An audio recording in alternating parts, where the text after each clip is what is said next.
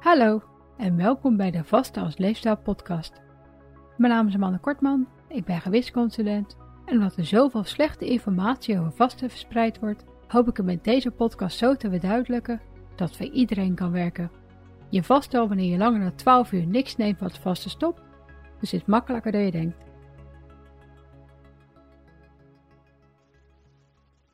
Welkom bij aflevering 36. In deze aflevering bespreek ik de invloed die suiker en zoetstoffen op ons lichaam kunnen hebben en waarom je het beste zoveel mogelijk kunt minderen. Ik gebruik bewust het woord minderen, aangezien ze in kleine hoeveelheden weinig kwaad kunnen. Doordat ze echter aan van alles en nog wat toegevoegd worden, is het makkelijk om er te veel van binnen te krijgen en vooral de invloed van zoetstoffen op onze gezondheid blijft onduidelijk. Ik heb suiker kort besproken in aflevering 30 en zoals je weet is suiker datgene waar uiteindelijk alle koolhydraten in worden omgezet. Er is natuurlijk niks mis met koolhydraten in de vorm van bijvoorbeeld groenten, fruit, noten, aardappelen en volkorengranen, aangezien deze belangrijke vezels, vitamines en mineralen bevatten, dus een hoge voedingswaarde hebben. Als deze echter worden uitgesloopt en er alleen maar suiker overblijft, oftewel de monosaccharide, fructose, galactose of glucose, dan valt het eigenlijk alleen nog maar calorieën en heeft een voedingswaarde van niks. Ze worden hierdoor ook nog eens heel erg snel door het lichaam opgenomen, waardoor ze maar kort vullen en dit noemen ze ook wel lege calorieën of vulling. Deze snelle suikers worden toegevoegd aan producten om onder andere de smaak, textuur en of houdbaarheid te verbeteren. En over deze voor onze gezondheid niet nuttige suikers heb ik in deze gehele aflevering. Ze worden ook wel toegevoegde of vrije suikers genoemd en ze zijn zo sterk gelinkt aan gezondheidsproblemen dat de Wereldgezondheidsorganisatie in 2015 het advies gaf om onze voeding uit maximaal 10% suikers te laten bestaan en om dit het liefst nog te halveren naar 5%, aangezien dit de kans op gezondheidsproblemen verder verlaagt. 5% is ongeveer 25 gram of 6 suikerklontjes of theelepels en dan kom je heel erg snel aan aangezien suiker in heel veel vormen voorkomt en daardoor wel meer dan 50 verschillende namen kan hebben. Naast alles wat eindigt op suiker, kan je hierbij denken aan alles wat eindigt op siroop en stroop, zoals ahornsiroop en glucosestroop, alles wat eindigt op sap, zoals appelsap, alles wat eindigt op concentraat, zoals vruchtensapconcentraat, en alles wat eindigt op oze, zoals saccharose. Ook honing is natuurlijk bijna pure suiker. En die paar procent gezonde stofjes die erin zitten, maken het niet opeens gezond. Dit geldt voor alle alternatieve soorten suiker. Suiker is suiker. En of het nou van suikerbieten gemaakt is, of van een of ander mysterieus tropisch fruit, de negatieve invloed op ons lichaam is grotendeels vergelijkbaar. Die van fructose lijkt echter het sterkst en die kom je dan ook in veel onderzoeken tegen. Op de website van het Diabetesfonds kan je de volledige lijst vinden van toegestaande suikers en in mijn blog Tips om suiker te minderen kan je een handig plaatje vinden met de meest gebruikte naam voor suiker, zodat je de ingrediëntenlijst kunt nalopen van jouw favoriete producten. De verschillende suikervormen worden trouwens vaak gebruikt omdat ze naast de smaak ook net andere eigenschappen kunnen hebben. Denk maar aan de stevigheid, smeuigheid of houdbaarheid. Maar het staat natuurlijk ook beter op de ingrediëntenlijsten als suiker niet helemaal vooraan staat. Dat betekent tenslotte dat suiker het hoofdingrediënt is en dat er van de andere ingrediënten minder in zit. Zoetstoffen kunnen ook een heleboel namen hebben en ze worden onderverdeeld in twee verschillende soorten, genaamd polyolen en intensieve zoetstoffen. Polyolen zijn niet-intensieve zoetstoffen, wat betekent dat ze minder zoet zijn dan echte suiker en in de recepten worden daarom vaak grotere hoeveelheden van gebruikt. De smaak lijkt vaak erg op die van gewone suiker en de meeste hebben geen bijsmaak, hoewel ze wel een koelend effect in je mond kunnen geven. Iets wat ze natuurlijk erg geschikt kan maken voor kauwgom en tandpasta. Poliolen worden slechter in onze darmen opgenomen dan gewone suiker en ze bevatten gemiddeld 2,4 kilocalorieën per gram in plaats van de standaard 4. Erythritol levert zelfs helemaal geen calorieën. Poliolen worden ook wel suikeralcoholen genoemd, omdat de chemische samenstelling deels op suiker en deels op alcohol lijkt. Ze bevatten echter geen alcohol en de meeste worden gemaakt uit natuurlijke producten zoals groenten, fruit en paddenstoelen. Onder de poliolen vallen sorbitol, mannitol, isomalt, polyglycitolstroop, maltitol, lactitol, xylitol en erythritol. Veel poliolen kunnen trouwens laxerend werken, dus als iets uit meer dan 10% toegevoegde poliolen bevat, dan wordt er op de verpakking voor gewaarschuwd. Hiernaast behoren ze tot de FODMAPs. Dit zijn stofjes die alleen in koolhydraten zitten en die voor darmproblemen kunnen zorgen als je gevoelige darmen of andere darmproblemen hebt. In afleveringen 21 en 30 deel 2 bespreek ik FODMAPs kort en kan je links over terugvinden mocht je vermoeden dat het voor jou geldt. Intensieve zoetstoffen zijn de andere soort en ze heten zo doordat ze 30 tot wel 37.000 keer zo zoet zijn als normale suiker en ze dus een zeer intensieve zoete smaak hebben.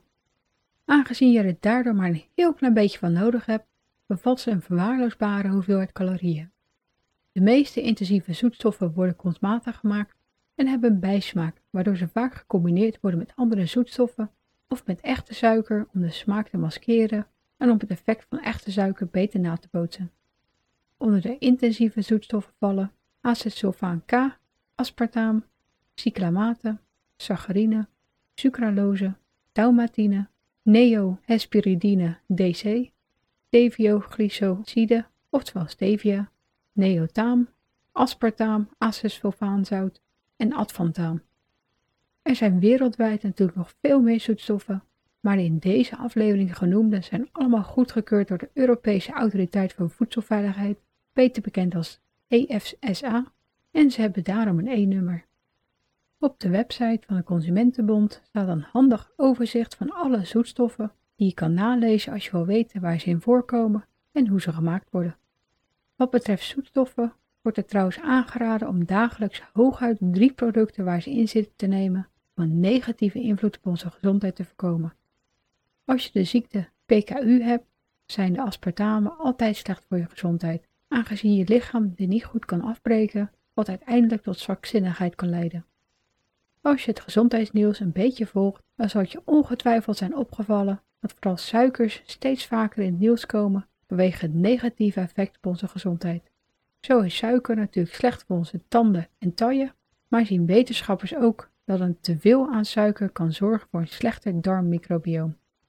Zo zijn de slechte darmbacteriën helaas gek op suikers en planten zich extra voort, waardoor de goede darmbacteriën deels verdrongen worden. Ook de intensieve zoetstoffen worden langzaam maar zeker aan darmproblemen gelinkt, waardoor de gedachte dat deze calorievrije suikervervangers goede vervangingen zijn voor normale suiker, voor steeds minder van ze lijkt te gelden. Het scheelt dan wel calorieën, wat waarschijnlijk de hoofdreden is dat mensen vooral korte termijnen van afvallen, maar als je darmgezondheid ook van zoetstoffen achteruit kan gaan, verhoogt dit op lange termijn alsnog de kans op welvaartsziekten, zoals overgewicht en obesitas, hart- en vaatziekten en het metabolsyndroom, waaronder ook diabetes type 2, een hoge bloeddruk en slechte cholesterolwaarden vallen. Suiker wordt verder heel erg sterk gelinkt aan niet-alcoholische leververvetting, iets wat natuurlijk ook een grote invloed op onze gezondheid heeft. Zo zorgt een ongezonde leefstijl met veel calorierijke en vooral suikerrijk voedsel op lange termijn voor insulineresistentie, wat ervoor zorgt dat overtollig vet zich onder andere in de lever gaat ophopen en de lever minder goed kan werken. In een recente studie zagen onderzoekers zelfs dat de darmbacteriën bij mensen met obesitas die veel suiker binnenkregen, ethanol, oftewel alcohol, gingen produceren, waardoor de vervette lever nog harder moest werken.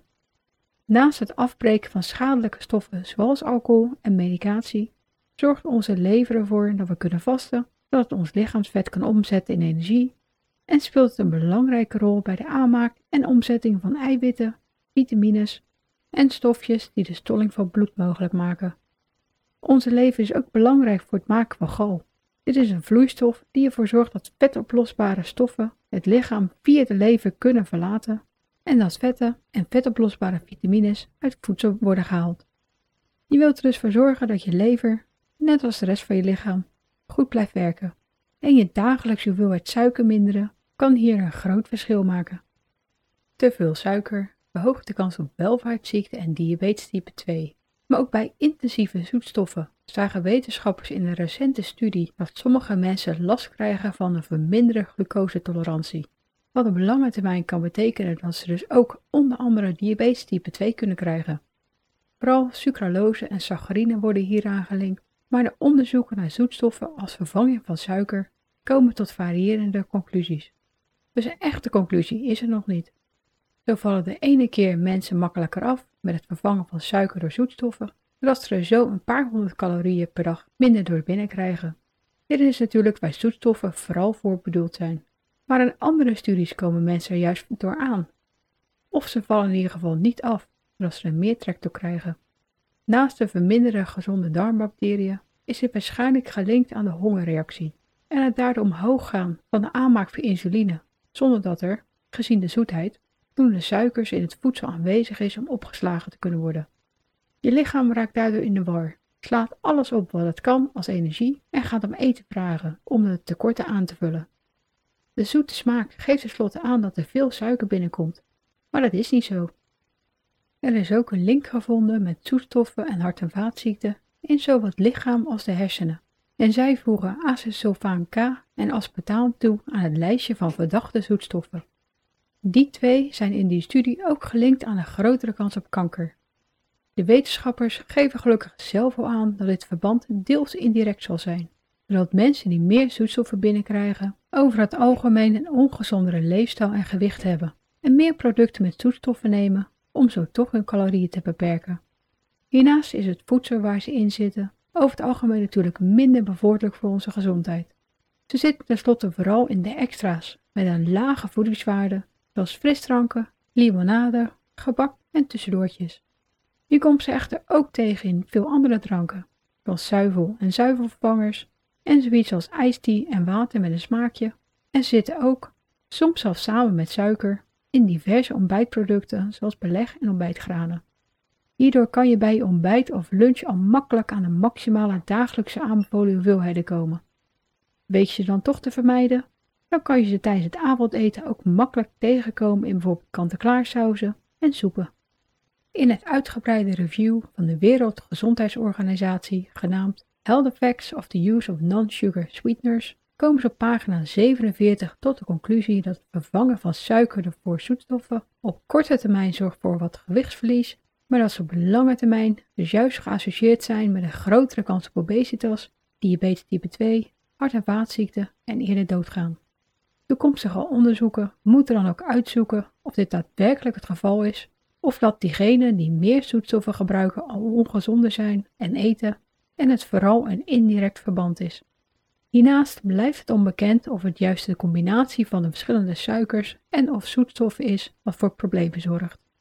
Veel ingrediënten kunnen afzonderlijk dan wel onschuldig zijn bij normale hoeveelheden, maar de combinatie van verschillende kunnen hele andere effecten geven op onze gezondheid. En dit zou deels voor de verschillende onderzoeken kunnen zorgen. Hiernaast verschillen studies natuurlijk in hun opzet en zijn ze niet allemaal op mensen gedaan. En hoewel muizen niet voor niks vaak gebruikt worden in studies, zijn de resultaten zeker niet altijd hetzelfde. Maar ja, zoals bij de meeste onderwerpen kan je studies vinden die voordelen of juist nadelen vinden. Dus mijn conclusie is gewoon dat je het beste zoveel mogelijk kunt vermijden, maar dat je niet panisch hoeft te worden, aangezien de reacties erop wel eens vaak heel erg persoonlijk zijn. En dat het onder andere afhankelijk lijkt te zijn van je darmmicrobioom. Ik blijf ook gewoon standaard tandpasta gebruiken, neem de sausen die ik lekker vind en ik gebruik de zoetstof erythritol als suikervervanger als ik aan het bakken ben, aangezien mijn darmen daar niet op reageren en ik geen verschil merk wat betreft smaak en bakresultaat. Hiernaast heb ik er ook nog geen negatieve studies over gevonden, dus dat scheelt weer. Van dranken met suikers of zoetstoffen ben ik wel helemaal afgestapt. Ik dronk zo jaren steeds minder en ik vind de smaak echt smerig geworden, dus ze zijn sowieso niet de moeite waard. Water, bruiswater en thee en koffie vind ik gewoon veel lekkerder, dus ik ben in ieder geval goedkoop verzoek, vooral tijdens mijn vastheid. Ik krijg verder natuurlijk echt wel wat gewone suiker binnen. Dan neem ik dagelijks een stukje 85% pure chocola, soms een dropje en op een hete dag lus ik ook wel een ijsje. Ziet de taart er lekker uit op een verjaardag, dan neem ik gerust een stukje. Maar ik houd het op een gemiddelde dag makkelijk onder de 5% en dat wil ik jou ook aanraden. En hoe meer suiker en zoetstof je binnenkrijgt, hoe groter de kans is dat je er nog meer van wil, aangezien ze onze zoetbehoefte versterken. Ze zijn dan wel niet echt verslavend, zoals drugs, hoewel dit voor sommigen wel lijkt te gelden. En sommige muizen- en rattenstudies laten zien dat ze liever suiker nemen dan de drugs waaraan ze verslaafd zijn. Maar ja, we zijn nou eenmaal vanaf de geboorte geneigd om voor zoetigheid te gaan. Zoet voedsel in de natuur is over het algemeen veilig. En omdat het snel voor energie zorgt, wat ook nog eens makkelijk als energievoorraad opgeslagen wordt, was het in de oudheid natuurlijk heel erg nuttig om de kans op overleven te vergroten. Nu is dit gelukkig voor velen niet meer noodzakelijk. Maar we worden nog steeds letterlijk door onze hersenen beloond voor het eten van zoetigheid met een tijdelijk prettig gevoel. Het effect lijkt erger bij mensen met insulineresistentie. En sommige artsen en wetenschappers zien suikers zelfs echt als verslavend. Maar aangezien het maar voor een minderheid lijkt te gelden, wordt het niet zo erkend.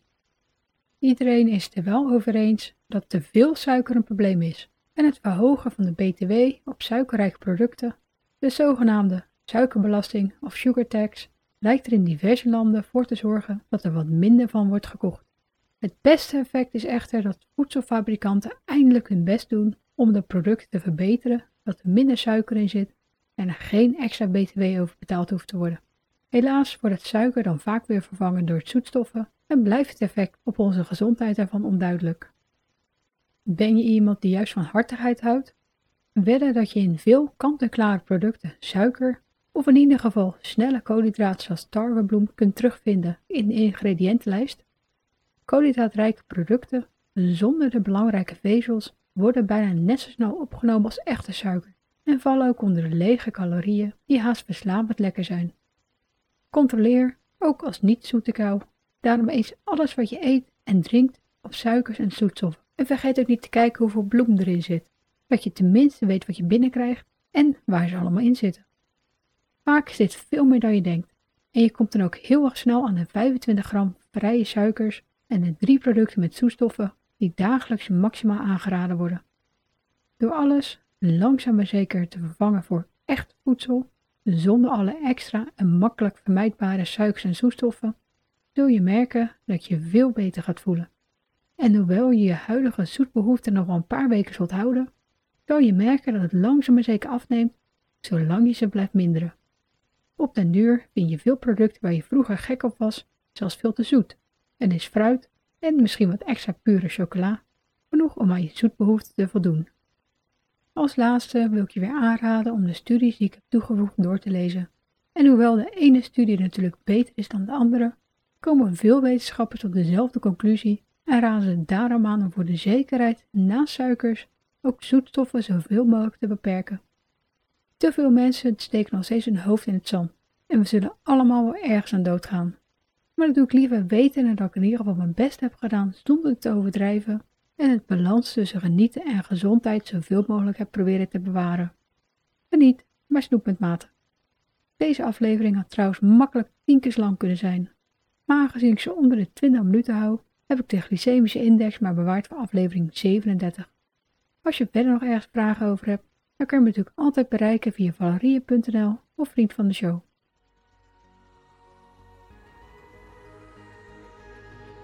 Bedankt voor het luisteren en vergeet niet dat je de onderwerpen en bronnen altijd in de omschrijving van de aflevering kunt vinden.